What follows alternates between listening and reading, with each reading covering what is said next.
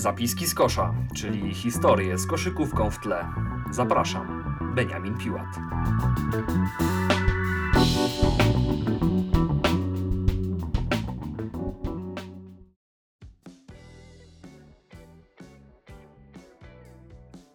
Za nami 71. mecz gwiazd NBA. W związku z tym wydarzeniem postanowiłem przygotować odcinek, e, który w jakimś stopniu poruszałby kwestię All Stars. Długo zastanawiałem się nad historią, którą opowiedzieć przy tej okazji. W końcu było ich całkiem sporo. Na wszystkie jeszcze przyjdzie pora. Dziś cofniemy się w czasie do lat 60., gdzie opowiem historię tego, jak drużyna All-Starów z NBA przyleciała do Polski i zagrała z takimi zespołami jak Legia Warszawa czy Wisła Kraków. Ja nazywam się Beniamin Piłat, a to jest podcast Zapiski z kosza. Zapraszam.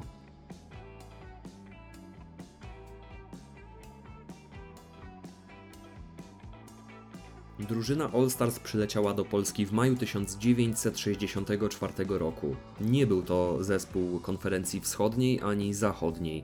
Bardziej przypominał drużynę zawodników z czołówki ligi, którzy wspólnie brali udział w europejskim tournée.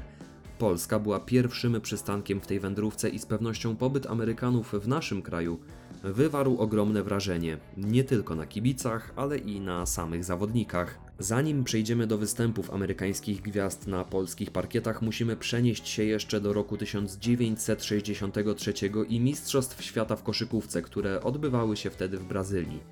Od początków swojego istnienia właśnie do roku 1963 reprezentacja Stanów Zjednoczonych Ameryki Północnej w koszykówce zdobyła złote medale na wszystkich dotychczasowych odsłonach Igrzysk Olimpijskich, mając na swoim koncie bilans aż 37 zwycięstw i ani jednej porażki podczas tej imprezy. Ponadto trzykrotnie stawali na podium Mistrzostw Świata, raz ze złotem i dwukrotnie ze srebrem byli prawdziwą potęgą międzynarodowej koszykówki, a warto tutaj wspomnieć, że wtedy zawodnicy z NBA nie występowali w tej reprezentacji.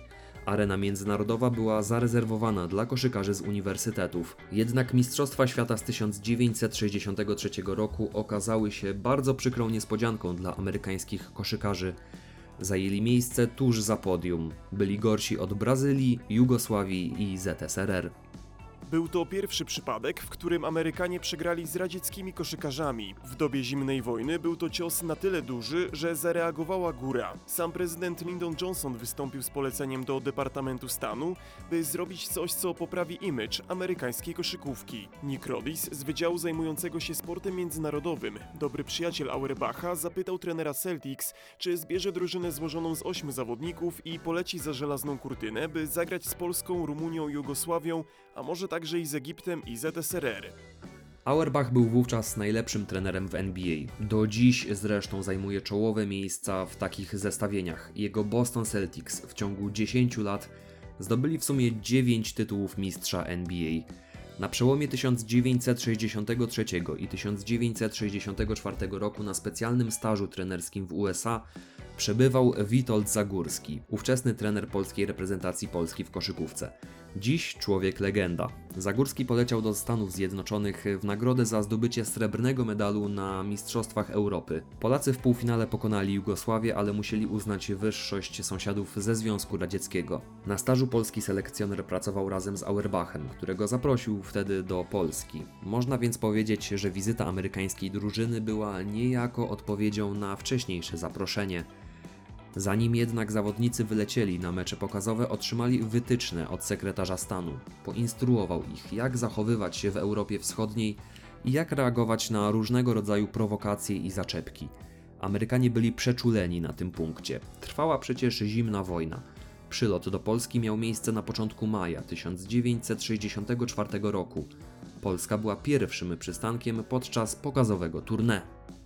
Na Okęciu wylądowało ośmiu koszykarzy: Bill Russell, Tom Hazon i Casey Jones z Boston Celtics, Jerry Lucas i Oscar Robertson z Cincinnati Royals, Bob Pettit z St. Louis Hawks, Tom Gola z New York Knicks oraz były gwiazdor Celtics Bob Cousy, który rok wcześniej zakończył karierę. Towarzyszył im trener przygotowania fizycznego Buddy Leroy z Bostonu. Trener Red Auerbach miał dolecieć później. W USA zatrzymał go odbywający się 4 maja draft NBA. Kiedy działacze ze Związku Radzieckiego zobaczyli, jaka drużyna ma przylecieć do Europy, stwierdzili, że nie chcą zapraszać Amerykanów na swój teren. Władze Polskiego Związku Koszykówki postanowiły natomiast, że drużyna ze Stanów jak najbardziej może zagrać z naszymi koszykarzami, z tym, że nie wystawiono naprzeciw niej reprezentacji narodowej. Uznano, że lepszym pomysłem będzie wystawienie do gry kluby sportowe. Po raz pierwszy przyjechaliśmy do Europy z pełną drużyną i po raz pierwszy będziemy w tym najlepszym, jaki można sobie wyobrazić składzie, grać z amatorami. Dotychczas nasze podróże do krajów, w których chcieliśmy jednocześnie pokazać nasz kunszt i udzielić kilku lekcji, były raczej indywidualne. Mówił Bob Cousy po wylądowaniu w Warszawie. W sumie zaplanowano 5 meczów. Dwa z nich miały odbyć się w Warszawie, gdzie naprzeciw Amerykanom mieli wyjść zawodnicy Legii oraz AZS-u AWF Warszawa. Potem kolejno Śląsk Wrocław, Wisła Kraków i Wybrzeże Gdańsk. No, w 1963 roku byliśmy mistrzami Polski. Było u nas kilku reprezentantów, ale NBA? Patrzymy na listę nazwisk, a tam Cousy, Russell czy Robertson. Skąd ich znaliśmy? Przeważnie z filmów amerykańskiej ambasady, które nasi trenerzy wypożyczali na potrzeby kursów, choć niektórych oglądaliśmy na turniejach w Europie. Przyjechali naprawdę najlepsi z NBA, a my to bidna legia, która na europejskim poziomie gra, ale w rywalizacji klubów. No ale trudno, grać nam każą. Wspominał po latach ówczesny koszykarz Legii Andrzej Pstrokoński. Mecz z Legią odbył się w hali Gwardii. Zainteresowanie wydarzeniem było ogromne. Tysiące ludzi chciały zobaczyć gwiazdy amerykańskiej koszykówki, a hala nie była za duża. Polscy koszykarze odbierali wiadomości od znajomych, którzy prosili o wejściówki, a zawodnicy no, nie mieli możliwości wprowadzenia do hali nawet własnych rodzin. Kibice dosłownie taranowali wejścia, cisnęli się hamowani przez liny i dwa kordony policjantów na koniach. Wojskowi wychodzili na boisko z myślą, by nie dać się za bardzo skompromitować. Byli pierwszą polską drużyną grającą z gwiazdami z oceanu. Wiedzieli tylko, że wszystko może się wydarzyć. Wychodzimy na boisko i mówimy sobie, chłopaki, idziemy w bój. Może nasz ostatni. Mecz się zaczyna, wyrywam pierwszą piłkę, idę sam na kosz i myślę sobie, no, chociaż 2-0 dla nas będzie. Rzucam w pełnej szybkości, spadam za kosz, ale słyszę, że w hali cisza. Co się dzieje? Odwracam się, a tam to nam rzucają kosza. Okazało się, że Russell przytłamsił po moim rzucie piłkę do deski, w powietrzu ją zebrał, podał na drugą stronę i Amerykanie zdobyli punkt. O, mówię, to się nie da grać. Opowiadał po latach Pstrokoński w książce Srebrni Chłopcy Zagórskiego. Do przerwy Legia przegrywała 29 do 41. Ostatecznie Amerykanie wygrali tamto spotkanie 96 do 76, co było ich najniższym zwycięstwem podczas całego europejskiego tournée, a warto tutaj zaznaczyć, że rozegrali w sumie 21 spotkań. Najwięcej punktów dla drużyny z USA zdobył wtedy Heinson 24. 18 dorzucił Petit, 16 Robertson, a 15 Russell. Wśród wojskowych najlepiej punktowali Wichowski i Piskun, obaj zdobyli w sumie 46 punktów. Pstrokoński dodał do tego 11. Po meczu kibice rzucili się do szatni Amerykanów po autografy. Biegli po betonowych, zalanych wodą trylinkach do zatęchłej piwnicy, bo takie były warunki w hali gwardii. Wśród nich był Stefan Szczepłek, przyszły znakomity dziennikarz specjalizujący się w piłce nożnej. Zawodnicy podpisali mu się w notesie, a Russell spytał, czy ma też wpisać swój numer. Wyszedł spod prysznica, stał jak go Pan Bóg stworzył, powtarzał słowo number i kreślił w powietrzu szóstkę. Szczepłek nie wiedział jednak o co mu chodzi i speszony uciekł z szatni. Następnego dnia w tej samej hali Amerykanie zagrali przeciwko drużynie AZS-u AWF Warszawa. W polskiej drużynie znów zagrał Piskun, który został wypożyczony do Legii i AZS-u z warszawskiej Polonii. Na trybunach w hali Gwardii siedział wtedy 15-letni Włodzimierz Szaranowicz, który tak się złożyło, wylosował wejściówkę na mecz. W swojej książce opisuje po latach wrażenie, jakie wywarli na nim zawodnicy z USA. Ich wyczynów nie dało się porównać z niczym, co widziałem w ramach naszej amatorskiej koszykówki. Grali trzy razy szybciej i pięć razy lepiej w sposób wyszukany i efektowny. Porywali wszystkich. Powtórzenie chociaż na miastki ich gry stało się niedościgłym marzeniem każdego z nas. Amerykanie w meczu z AZS-em do przerwy prowadzili tylko pięcioma punktami. W przerwie tablica wskazywała wynik 42 do 37. Wynik był wyrównany i Polacy myśleli, że może uda im się pokonać gości ze Stanów Zjednoczonych, co z pewnością byłoby fenomenem na skalę światową. Jednak warszawiacy dość szybko po przerwie zderzyli się ze ścianą, jaką była NBA. Gracze All Stars rzucili kilkadziesiąt punktów z rzędu, nie tracąc ani jednego kosza. Piskun po latach wspominał, że musiał rzucać hakiem po łuku, bo w tym meczu pilnował go Bob Petit, który miał 206 cm wzrostu. Polonista próbował rzucać z odejścia, co zazwyczaj zdawało egzaminy celująco, jednak Petit nie dał się tak łatwo nabrać i oburącz blokował rzuty. W tym starciu najlepiej punktował Bob Lucas. W sumie zanotował 38 punktów. Dla akademików 16 punktów rzucił Sitkowski.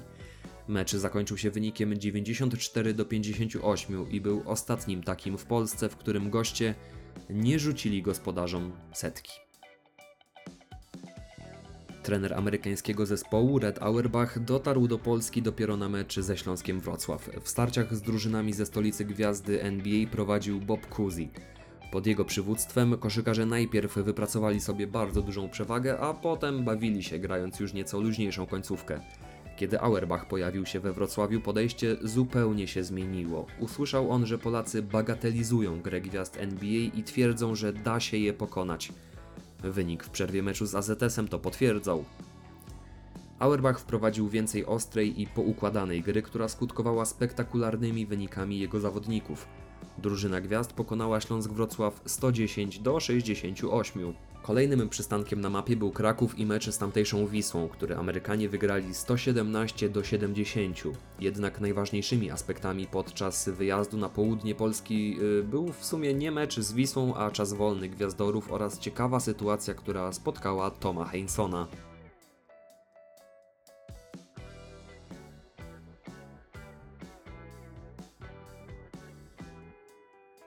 Zacznę może od tej pierwszej części, czyli od czasu wolnego. Red Auerbach dbał o to, by zawodnicy, którzy z nim przylecieli, nie siedzieli tylko w hotelu. W dni treningowe i niemeczowe zarządzał zwiedzanie miast. Wizyta All-Starów w Krakowie zbiegła się akurat z 600. rocznicą powstania Uniwersytetu Jagiellońskiego, więc w mieście dużo się działo. Zawodnicy w dzień zwiedzali, a nocami razem z trenerem uderzali w miasto. Ceglińscy w swojej książce Srebrni chłopcy Zagórskiego opisują – że ogromne wrażenie na trenerze gości wywarł zamek na Wawelu i miał on nawet żałować, że takich budowli nie ma w Ameryce. Do wątku nocnych przygód wrócimy za chwilę, bo teraz chciałbym skupić się na postaci Toma Heinsona, który będąc w Polsce najadł się strachu za wszystkie czasy.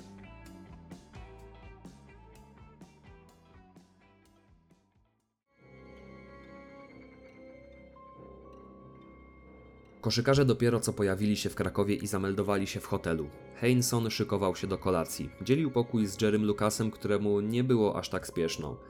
Nagle ktoś zapukał do drzwi. Zawodnik Celtics myślał, że to pozostali koledzy, którzy też wybierają się coś zjeść. Kiedy ponad dwumetrowy koszykarz otworzył, stanęło przed nim dwóch mężczyzn. Mieli ponure miny, ubrani byli w długie, czarne płaszcze i kapelusze.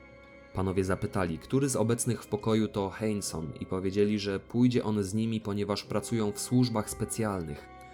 Koszykarz chciał jeszcze skorzystać z toalety, ale był ponoć tak zdenerwowany, że oblał wszystko dokoła sedesu.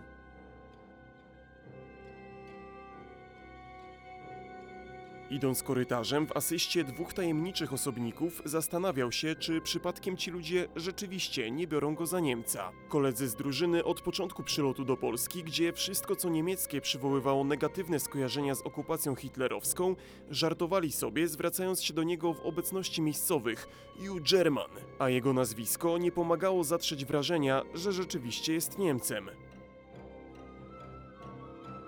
Tajniacy kazali usiąść zawodnikowi Celtics w barze i czekać. Chcieli zabrać go do siedziby głównej, ale żeby się tam dostać, potrzebny był im samochód.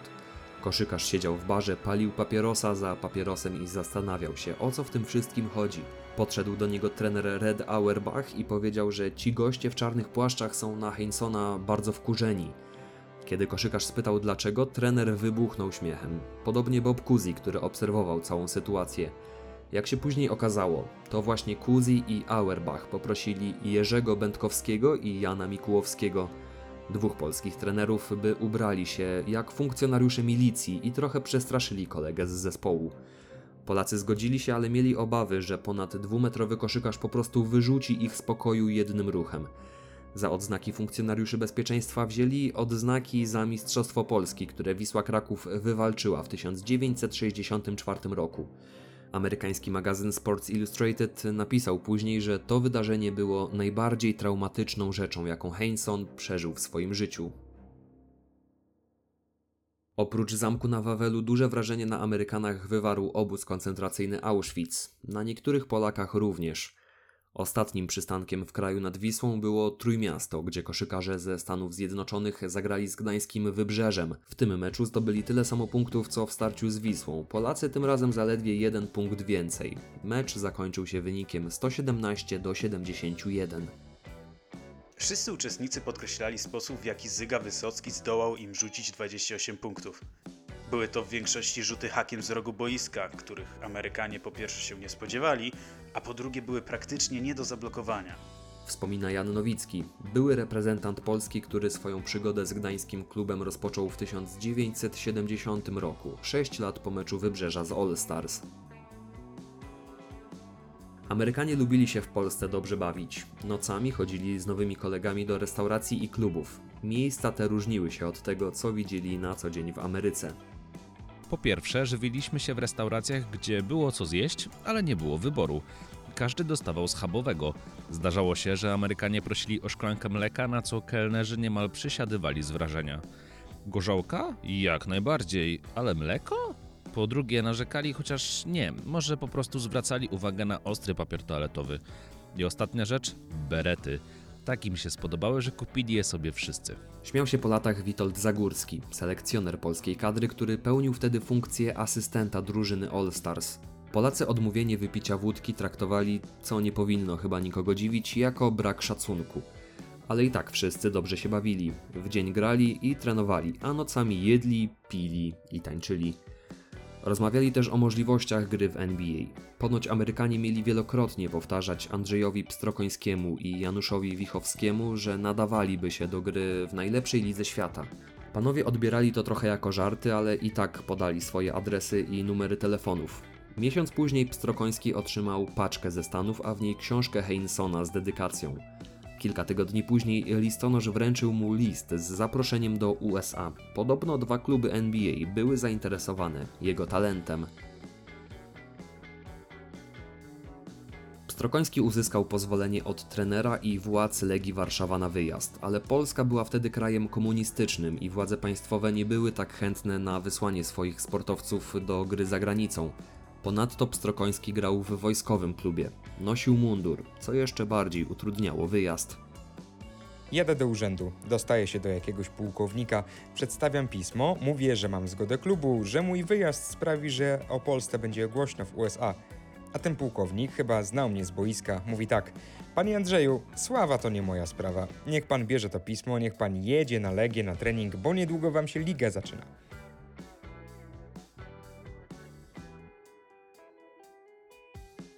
Po wylocie z Polski Amerykanie zagrali mecze pokazowe w Rumunii i w Egipcie. Poszło im tam świetnie, ale nie bawili się tak dobrze jak w Polsce.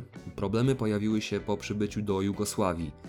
Nikt nie odebrał ich z lotniska, a hotel nie spełniał oczekiwań.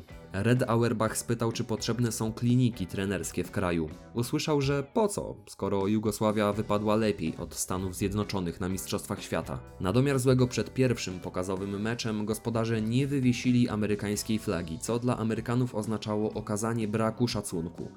Auerbach powiedział, że bez flagi nie zagrają, a kiedy ta w końcu się znalazła, jego zawodnicy mieli dosłownie wbić rywali w ziemię. Najpierw Bill Russell dominował w obronie, a gdy tylko raz dał się minąć przeciwnikowi, trener wydarł się na niego. Jednak Amerykanie wygrali tamten mecz różnicą 55 punktów. A Red Auerbach, znany z zapalania swojego cygara zwycięstwa w końcówkach meczów, tym razem zajadał lody na ławce trenerskiej.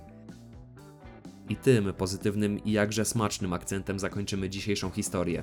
Nie zapomnijcie zostawić oceny i zasubskrybować kanału. Dzięki za wysłuchanie i do usłyszenia w kolejnym odcinku. Cześć.